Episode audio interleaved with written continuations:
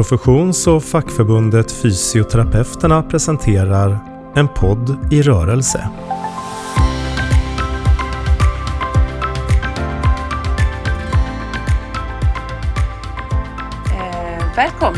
Till en podd i rörelse, fysioterapeuternas egen podd. Eh, och idag så ska vi prata med eh, årets fysioterapeut, nämligen Helene Henriksson som är fysioterapeut och hälsostrateg inom Region Skåne.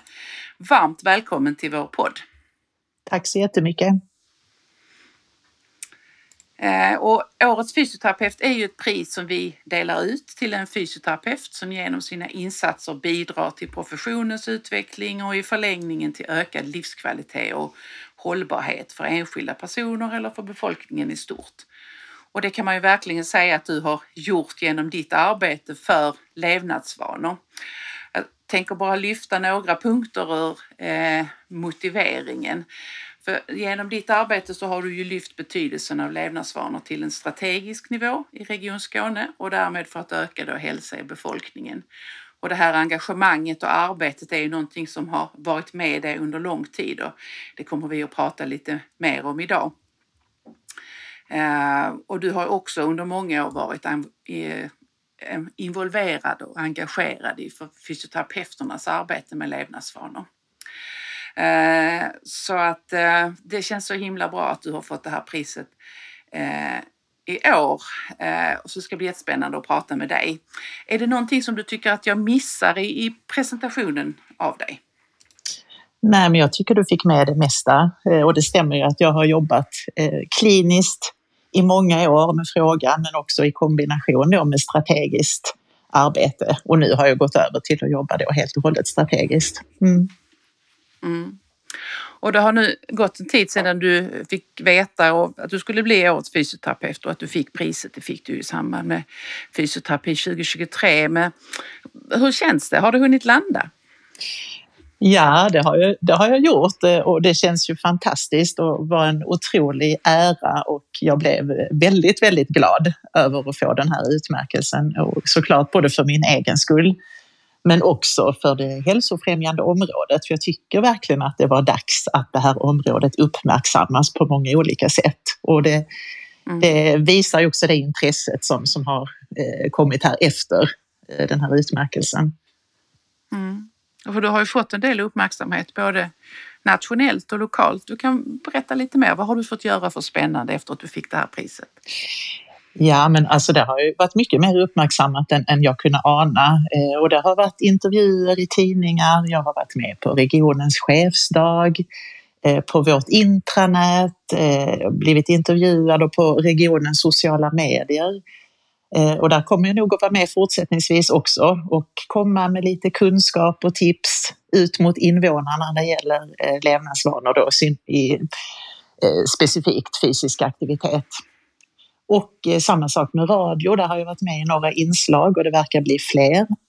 nu på höstlovet så fick jag prata om stillasittande och det faktum att barn och unga är mest inaktiva just på lov och helger. Hur man kan tänka som familj och medborgare.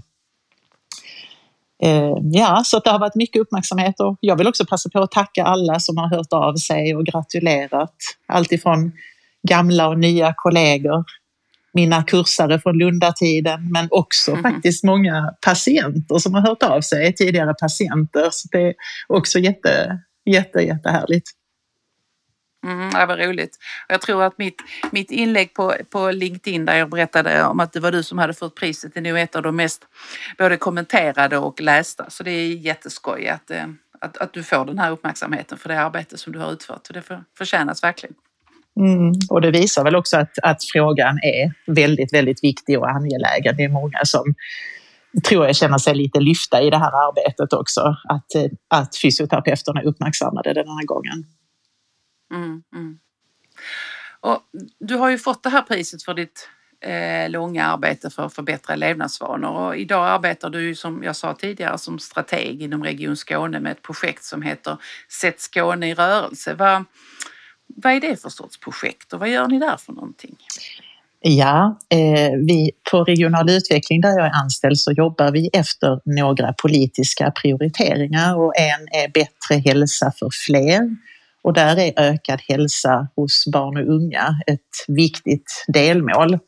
Och då är fokus i arbetet just fysisk aktivitet och social gemenskap.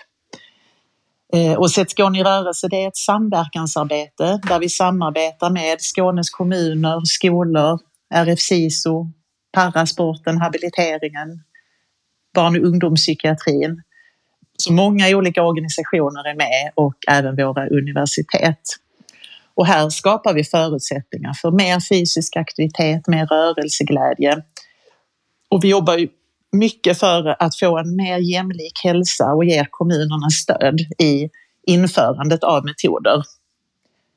Och då kan det vara metoder som Dans för hälsa som jag tror att många känner till, en evidensbaserad metod eh, med eh, kravlös dans. Aktivitet förebygger, Skogshjältarna eh, som är ett samarbete med Friluftsfrämjandet. Och då är jag ju inte ensam i det här arbetet såklart, utan vid min sida så har jag fantastiska kollegor som är experter på respektive metod.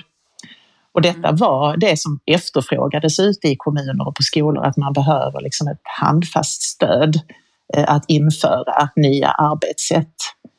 Ehm, så att eh, vi jobbar både med generella insatser där vi når alla genom då eh, framförallt skolan, men också riktade insatser för de barn och unga som behöver det. Mm, mm. Vad är det som du tycker är, vad är lättast och roligast med ditt arbete? Alltså jag tycker mötena med eh, alla eh, våra samarbetspartners och eh, samtalen med barn och unga fånga upp vad är det som, som barn och unga själva ser som framgångsfaktorer. Men just det här att få lov att samverka med många aktörer också utanför hälso och sjukvården tycker jag är väldigt, väldigt givande och helt nödvändigt tror jag för att nå framgång i det här mm. arbetet. Mm. Och du uttryckte det, vi fick senaste numret av fysioterapi i lådan häromdagen och då så sa du det att det är viktigt att man inte vuxengissar. Tyckte det var ett bra uttryck. Ja, jag har faktiskt inte själv fått tidningen i brevlådan så jag har, har inte sett den i tryckt version. Okay. Men, men jag såg, såg en bild på omslaget, ja, jag såg att det var det som var rubriken. Ja, fast det är lite det som, eh, som jag är inne på här, att jag tycker det är väldigt viktigt att vi lämnar våra eh, skrivbord och datorer och ger oss ut och faktiskt möter barn och unga. Och här jobbar vi också nu med BRIS där vi tar nytta av deras expertgrupp barn just för att fånga in barn och ungas egna röster i det här arbetet. Så att det var lite det som rubriken syftade på. Ja, ja. Men vad tycker du har varit, vad är mest utmanande med arbetet? Eh, Ja, alltså utmanande det är väl det här att, att vi behöver ju få en långsiktighet i detta arbetet. Det är väldigt viktigt att man förstår att det här kräver resurser även lokalt och ute i kommuner och så. Det här eh, Eh, är, ett, eh, det är ingenting som, som eh, vi fixar lätt och enkelt utan vi har ju en stor samhällsutmaning när det gäller stillasittande. Vi har en stor konkurrent i skärmarna, skärmtiden som tar så mycket tid från oss alla egentligen. Och att få till en, alltså långsiktiga hållbara satsningar, det är ju den stora utmaningen här. Vad är det som, vad är det som gör att det är så bra att det är en fysioterapeut på en position som din? Eh, jag upplever att det finns ett stort förtroende för vår yrkeskår, att vi har gedigen kunskap, lutar oss mot evidens. Och när det gäller fysisk aktivitet så har vi ju stor nytta till exempel av FYSS. Eh, och jag tänker att både patienter och kollegor eh, med annan yrkesbakgrund och politiker upplever jag också har en tilltro till vår kompetens. Så jag skulle säga att, att vara legitimerad fysioterapeut är en kvalitetsstämpel. Och jag tänker också att vi är vana att jobba självständigt och många i vår kår upplever jag har goda ledaregenskaper. Så att eh, jag tycker att det finns många fördelar. Mm, mm, mm.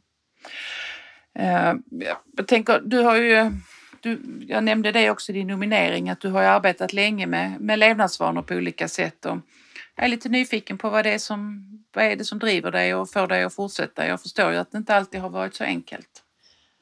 Nej, Nej men jag vill göra, jag vill, det, det, har, det har det inte alltid varit, jag vill göra skillnad, någonting som skapar mening, gör skillnad för individen eller tidigare när jag jobbar med patienter. Men nu då på befolkningsnivå. Och jag har ju jobbat kliniskt inom området i många år och jag skulle säga att många av de patientmötena har gjort stora intryck på mig. Och att jag känner att det går mm. att göra så mycket skillnad genom att jobba personcentrerat, rådgivande med ett motiverande samtal på, på alla nivåer. Och nu känner jag att jag kan göra skillnad och skapa förutsättningar för många, för Skånes barn och unga. Och eh, jag skulle säga att mm. de här mötena som jag sa innan, jag tycker att det, det ger mig väldigt mycket motivation att, att möta barn och unga. Och du har ju rätt i det, det har inte alltid varit eh, helt enkelt. Det har varit lite motigt emellanåt och resurserna för det hälsofrämjande arbetet har varit knappa och det är sällan man har känt att det har varit särskilt prioriterat. Men för mig har det varit så väldigt tydligt att det här är en otroligt viktig och hållbar investering. Mm. Och jag tänker kanske också att du har varit tidigt ute, för det kan vi ju se. Fysioterapeuterna har ju, vi har ju hållit på med vårt levnadsbanearbete länge tack vare de statsbidragen som vi har fått från Socialstyrelsen, men också varit tidigt ute och pratat om hälsofrämjande och förebyggande insatser. Och det var inte och det kanske det fortfarande inte är helt enkelt, men det är ändå så att det finns ett annat samtal om det idag. Att man ser liksom värdet av de här insatserna på ett tydligare sätt än vad jag kanske uppfattar att man gjorde för tio år sedan. Ja men absolut, jo men det håller jag med dig om. Och när jag började jobba inom neurologin, om vi säger för drygt 25 år sedan, då, då kämpade jag ju just med de här frågorna. Att jag tyckte inte vi kunde skicka hem patienter som hade haft en TIA eller en liten stroke eh, när de var stillasittande, storrökande. Och där, det var inte lika självklart alls att man pratade om de här sakerna. Men jag håller med dig att det har, har hänt mycket och jag märker det och undervisar ju på läkarprogrammet och för blivande sjuksköterskor. Jag tycker det finns ett stort intresse hos våra unga nya kollegor för de här frågorna. Mm. Och visst är det så att du är du på lärarprogrammet också? Ja, det är faktiskt, eh, och det är ganska nytt att vi är inne på Malmö universitet ja. och får in lite mer det hälsofrämjande spåret, både för blivande förskollärare, fritidspedagoger och lärare. Och det är ju jättepositivt. Mm. Och, och, jag tänker för att även om, även om du och jag är helt överens om att det bästa att, att ha på en sån här position är ju en fysioterapeut och att vi liksom är, är bra på det här arbetet så, så tänker jag också att just det här att jobba genom andra eh, är ju någonting som vi behöver, som jag tror är en framgångsfaktor. Att vi är mm. många som kan arbeta med det förebyggande och hälsofrämjande arbetet. Som det är ju dels genom att undervisa, många professioner men också genom det arbetet som ni gör i Sätt Skåne i rörelse. Eh, att få många med på tåget. Ja men precis, att vi faktiskt, precis som du är inne på, att vi hjälps åt och ser att vi är många som behövs i det här arbetet och att vi verkligen liksom krokar arm och hjälps åt, för det är ju helt nödvändigt.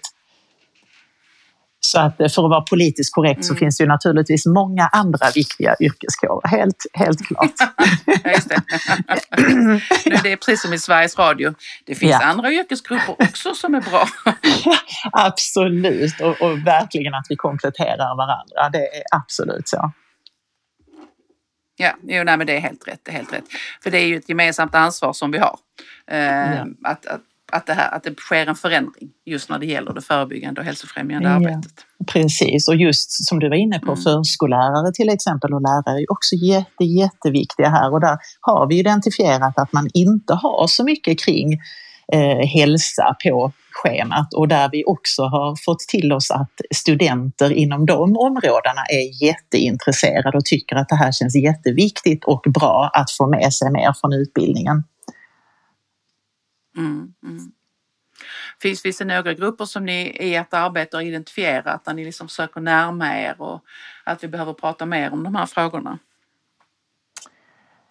Eh, så jag tycker att det är väldigt många som sträcker upp handen här och vill vara med i arbetet och jag tycker också eh, när vi tittar på alla de eh, organisationer vi har omkring oss att vi kan eh, få till väldigt fina samarbeten och eh, jag kan inte identifiera några grupper. Det är kanske vissa, vissa kommuner som, som inte riktigt har eh, nappat lika mycket och så. Att man inte tror att man har så stora utmaningar med de här frågorna.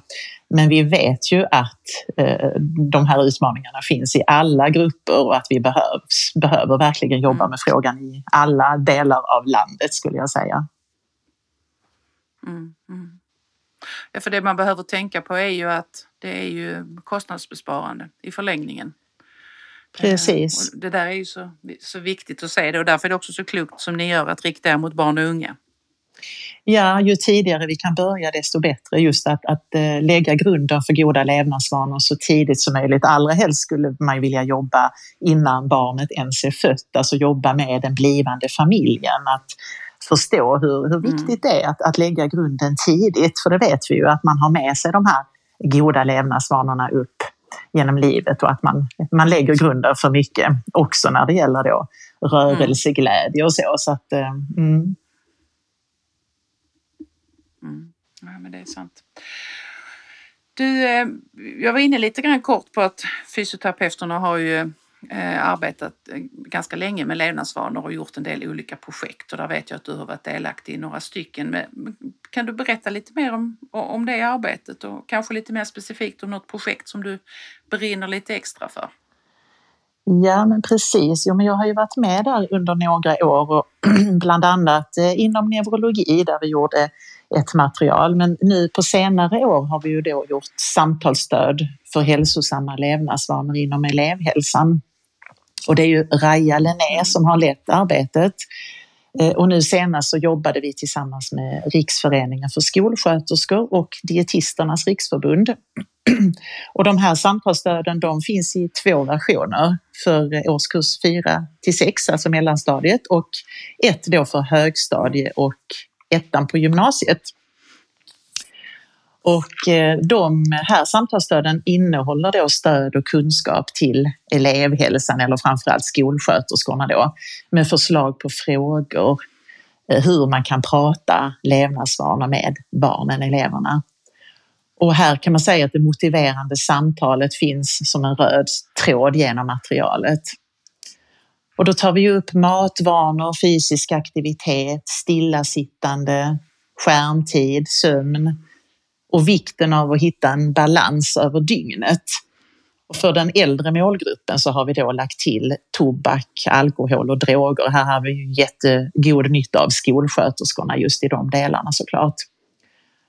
Och de här samtalsstöden är illustrerade av eh, Petter Lönegård heter han och eh, det var också kan jag säga väldigt uppfriskande och roligt att jobba tillsammans med honom. Han hjälpte oss att hitta en, balans med bilderna så att de kan ge ett stöd i samtalet utan att vara alldeles för, vad ska jag säga, hurtfriska eh, kravfyllda. Eh, så att just att få in lite liksom, glimten i ögat också. Och ja. vi har, ja, och, och vi, jag pratade ju om detta på fysioterapidagarna här och presenterade och det är så roligt att, att höra att det är många inom elevhälsan och även BUP och barnkliniker som använder de här samtalsstöden. Mm. Mm.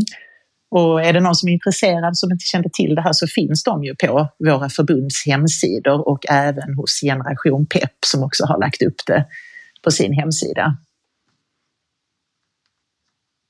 Ja men vad bra, för då är det ju liksom tillgängligt. Det är ju det är roligt att höra att man tar fram det för en målgrupp och att det är betydligt fler som ser att man kan ha nytta av det. Ja men precis, jo, men vi, vi har blivit eh, liksom överraskade av det. Vi har fått väldigt fin feedback och just att man, man ser också att, det här, att, att de här fina bilderna kan ju också underlätta samtalet. Att en del barn och unga eh, liksom fäster gärna blicken på bilderna och man kan ha det som, som utgångsläge också. Så, att, eh, så att det är roligt att det är många som använder det. Mm-hmm. Mm, mm. Hur, hur tänker ni? Eh, eh, jag förstår kanske att det här är lite beroende på de framtida bidragen och så, men har ni i gruppen någon diskussion om hur ni skulle vilja ta arbetet vidare? Ja, vi har ju lite på gång här nu med familjestöd, att göra om det här samtalet lite grann så att man kan använda det också för eh, i samtal med familjen, för där ser vi också ett behov och vi tänker att man skulle kanske kunna eh, lyfta det, det är en tanke jag har i alla fall, att på föräldramöten, jag tänker både inom förskola, skola, att det skulle kunna vara eh, som utgångspunkt för att också fånga in familjen i det här arbetet, vilket ju är jätteviktigt. Mm. Ja, verkligen. Jag tänker, ja. man, mm. man, är ju en del i ett sammanhang, även i ja. familjen. Ja, det som familjen gör blir ju jätteviktigt för barnet. Barnet är verkligen inte unikt. Nej men så är det ju. Nej, och det har vi ju sett i studier ja. också hur viktigt det är just med vuxna förebilder. Alltså att man som förälder också förstår hur viktigt det är att eh, just när det gäller eh, att lägga grunder för både goda matvanor och, och, eh, och aktivitet och så. Ja, ja. ja men vad spännande. Mm. Eh, men det här är ju, vi har ju pratat lite historiskt och liksom ser att det har skett en förändring i det här arbetet, att det kanske är mer aktuellt eller mer on top of mind nu än vad det har varit mm. tidigare. Eh, men det behövs ju, vi behöver ju fortsätta arbeta med det och vi behöver ju liksom skapa en förändring eh, just kring, kring det här bland annat, men kring annat också såklart. Men mm. Vad tror du är viktigt framöver för att vi ska kunna skapa förändring? Och då tänker jag både, både det stora och det lilla perspektivet. Ja, eh, ja, men jag har varit inne på det innan också, det här att vi behöver verkligen långsiktiga satsningar och att vi måste samverka med många aktörer i samhället eh, utanför hälso och mm. sjukvården. Eh, och eh, som jag också sa tidigare, att vi måste involvera målgruppen, lyssna på barn och unga, hur de tänker. Vad är det de ser kan skapa förändring i deras liv? Um, och det vet jag bland annat BRIS har ju tagit fram en rapport som, som de har döpt till eh, De säger att vi inte rör på oss, liksom att vi pratar om barnen. Men vi måste liksom lyfta in dem. Väldigt många barn och unga vill röra sig mer än vad de har möjlighet att göra. Att vi, att vi verkligen tänker på det. Och sen tänker jag också, mm. Eh, här, jag tänker WHO har ju kommit med riktlinjer, Barnläkarföreningen har ju nu är på gång med rekommendationer gällande skärmtid för barn och det tycker jag är väldigt välkommet att vi behöver ju riktlinjer. Vi har ju även nationella riktlinjer för arbetet med levnadsvanor och det är ju jättebra. Mm. Men, men det räcker inte för det behövs ju också resurser och förutsättningar för att jobba med de här frågorna. Eh, att vi måste kunna ge det stödet som vi kan läsa om i riktlinjerna. Och det tror jag är jätteviktigt framåt att tänka på det. Mm, mm. Men jag tänker på när du säger den här rapporten om BRIS att barn inte får möjlighet att röra på sig. Vad är det då som liksom är hindrande? Har du, har du så har du, läst, har du koll på det? Ja, ja nej men det är ju många olika faktorer. Det är ju, alltså, socioekonomiska faktorer spelar stor roll. Att man har väldigt olika förutsättningar redan från början beroende på i vilken familj, i vilket sammanhang man växer upp. Och sen tänker jag också att som samhälle mm. måste man också tänka på det här med, jag tänker när vi pratar aktiva transporter till exempel, det ser vi ju också i studier att det har minskat väldigt mycket på senare år att man, man går och cyklar inte alls i samma utsträckning till skola och till kompisar. Och där måste man ju som samhälle också tänka på hur man, hur man bygger ett samhälle. Alltså där är ju, de faktorerna är också väldigt viktiga. Mm. Mm. Ja, nej, men det är sant. Och jag mm. tänker att det handlar om trygghet och att liksom man befinner sig i, i en miljö där man, där man vågar vara. Absolut. Vågar och det är ju, röra sig. Ja, det har du helt rätt i. Och, och det liksom allra viktigaste är också det här med bemötande, liksom ledarskapet. När man väl som barn kanske då får lov att komma till en aktivitet eller vågar sig dit, att det är så otroligt viktigt med liksom värdegrunden hos den här föreningen, ledaren, eh, bemötandet. Om man kommer som ovan, det, tänker det är ju samma som när när man eh, träffar patienter som kanske första gången ska prova en träning i friskvården. Att man mm. tänker på hur viktigt bemötandet är där också. Mm, mm. Jag känner att jag behöver fortsätta lite där med samhället för det, att vara aktiv i föreningsliv är ju, det är ju en sak och det, det, är bra men det finns ju också möjligheter att vara aktiv till exempel genom aktiva transporter eller i, i naturen. Eh, Precis. Som, då lite mindre, eh, som inte kostar lika mycket tänker jag. Så att det är viktigt att man har den här breda synen på, på Verkligen. aktivitet. Nu, är det, nu blir det det vi pratar om, men Ja, men, ja, så. Nej, men helt klart, och där har du ju helt, helt rätt i det med friluftsliv och så. Det är ju samma sak där. Liksom att det, det är inte alltid så inkluderande. Det, man, kan känna, man kan vara väldigt långt nej. ifrån från det. Vi, där, där kommer vi att testa en ny metod nu med Friluftsfrämjandet, Må bra i naturen, just för ungdomar att jobba tillsammans med elevhälsa, ungdomsmottagningar eh, för att eh, försöka hitta eh, de möjligheterna också. Och det är precis som du säger, allt det här att bara vara ute, att få liksom dagsljus, fysisk aktivitet, lite rörelse, social gemenskap i naturen ger ju också ytterligare hälsovinster. Mm. Mm, mm. mm. Men eh, om jag nu är då en, eh, om jag är fysioterapeut eh, och skulle vilja arbeta lite mer hälsofrämjande, det kan vara någon annan profession också, vi är generösa idag. Om jag vill eh, arbeta mer hälsofrämjande och förebyggande mm. men kanske inte riktigt vet var man ska börja. Vilka råd vill du ge till mig? Ja, eh, jag är ju själv eh, lärare i motiverande samtal och det skulle jag vilja slå ett slag för. Att, att gå en Eh, liten kurs i motiverande samtal och det finns ju i hela landet. I de flesta regioner ofta en tredagars kurs. Och då, det motiverande samtalet lägger ju grunden kan man säga för ett empatiskt och eh, reflekterande förhållningssätt. Att man får lära sig olika mm. samtalsverktyg som ger patienter stöd i all form av beteendeförändring. Så det är ett tips som jag gärna skulle vilja ge. Och sen tänker jag också eh, att man gärna får börja förskriva FAR, fysisk aktivitet på recept och där finns det ju massor av kunskap att hämta i FYS eller i nya e-FYS eh, som är ett jättefint stöd. Men du får berätta vad är FYS för någonting också?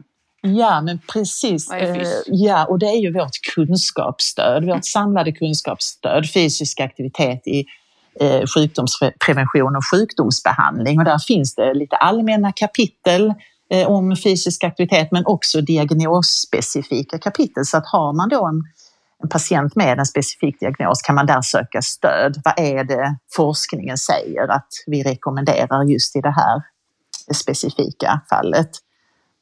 Mm. Mm. Eh, så att det, det tänker jag är en bra början. Och sen tänker jag att man också kan bygga på och förkovra sig inom fler levnadsvanor efterhand. Jag tänker att ja, om vi nu pratar fysioterapeuter men även andra yrkeskategorier, att man kan liksom vara lämpad att jobba även med tobaksavvänjning till exempel om man tycker det är intressant eller som samtalsledare inom metoder som riktade hälsosamtal. Men jag tror det allra viktigaste är väl att man börjar i det lilla, att man liksom bara väcker frågan om levnadsvanor i patientmötena. För jag mm. tänker att liksom bara genom att fråga att man visar att det är viktigt, till exempel att rökning, alkohol, stillasittande, att det är liksom avgörande för, för måendet och att vi i alla fall eh, liksom väcker de här tankarna, sår de här fröna hos patienterna i, i de mötena. Mm, mm. Ja, för man har ju verkligen möjlighet och förutsättningar att göra det när man möter patienter som kanske har drabbats av livsstilsrelaterade sjukdomar. Jag tänker att det är ett, ett öppet fönster då att påbörja ett sådant samtal.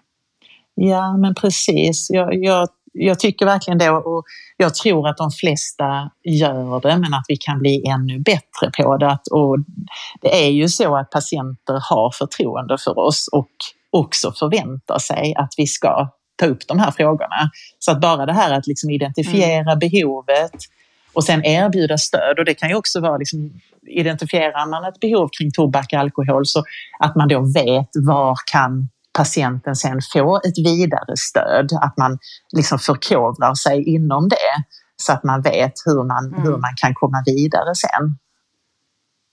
Så att, eh, jag tänker man måste börja lite i den ändan, tänker jag. Och, eh, jag läste just nu på, jag tror det var någon, något inlägg på sociala medier här som var nu i veckan eh, där fysioterapeuterna hade skrivit att den mest hållbara sjukvården är den som aldrig blir av eller behövs.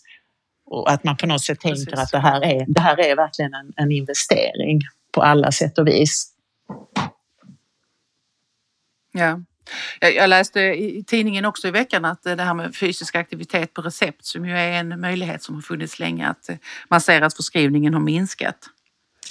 Ja, det stämmer och där, eh, samtidigt som vi då har den här nationella satsningen nu med statsbidrag och där jag hoppas att att det här ska få upp intresset, för det är ju en väldigt bra metod. Vi ser ju i Skåne nu kopplat till de riktade hälsosamtalen att förskrivningen har ökat för att då ingår liksom metoden i en tydlig struktur och det är en framgångsfaktor. Så att, ja, vi, vi hoppas på att vi ska få ett större intresse för den här bra metoden.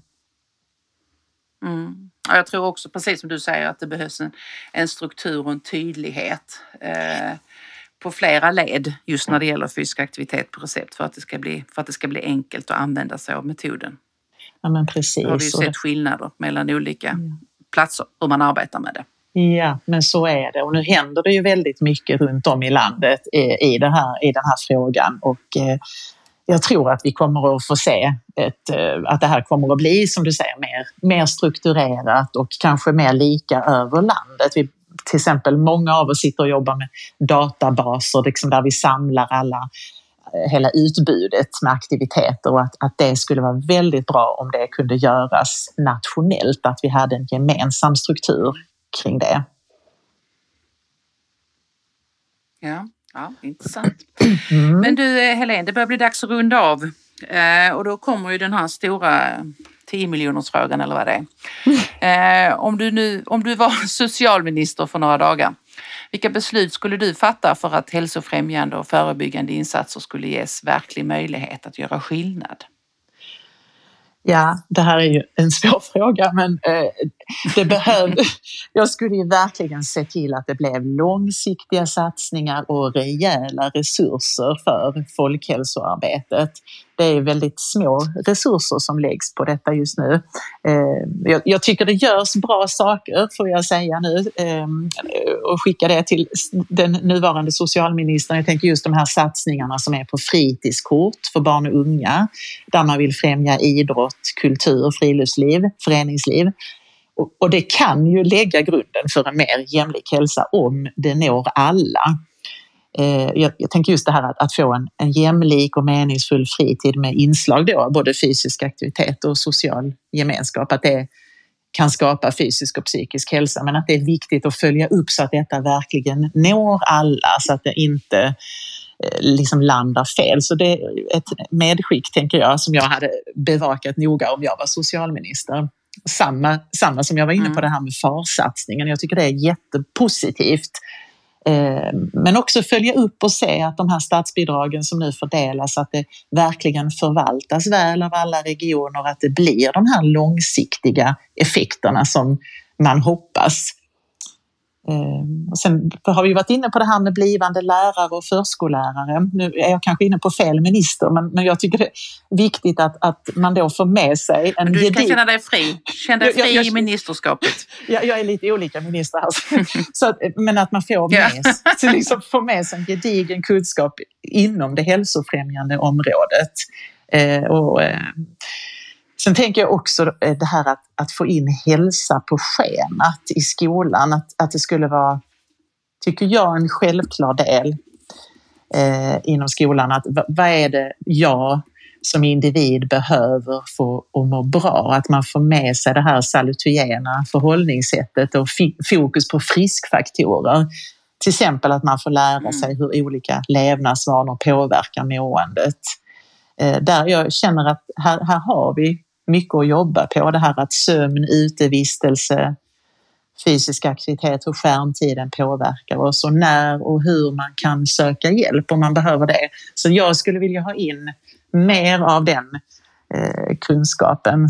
Eh, så att eh, långsiktiga rejäla satsningar på folkhälsan är ett måste. Så att eh, det, det, skulle jag fixa mm. till om jag var socialminister.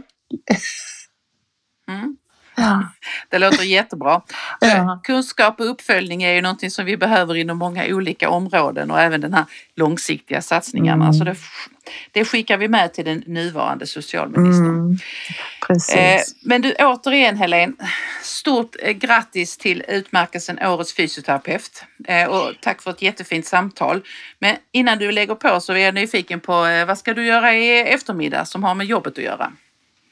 Ja, i eftermiddag så ska jag ha möte med RF SISU. De är en viktig samarbetspartner för oss eh, och eh, de jobbar bland annat med rörelsesatsning i skolan. Så jag ska ha eh, möte och planera 2024 års arbete tillsammans med dem.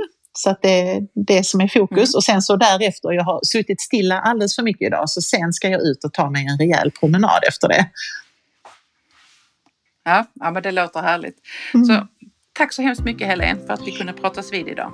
Ja, stort tack! En podd i rörelse presenterades av Fysioterapeuterna.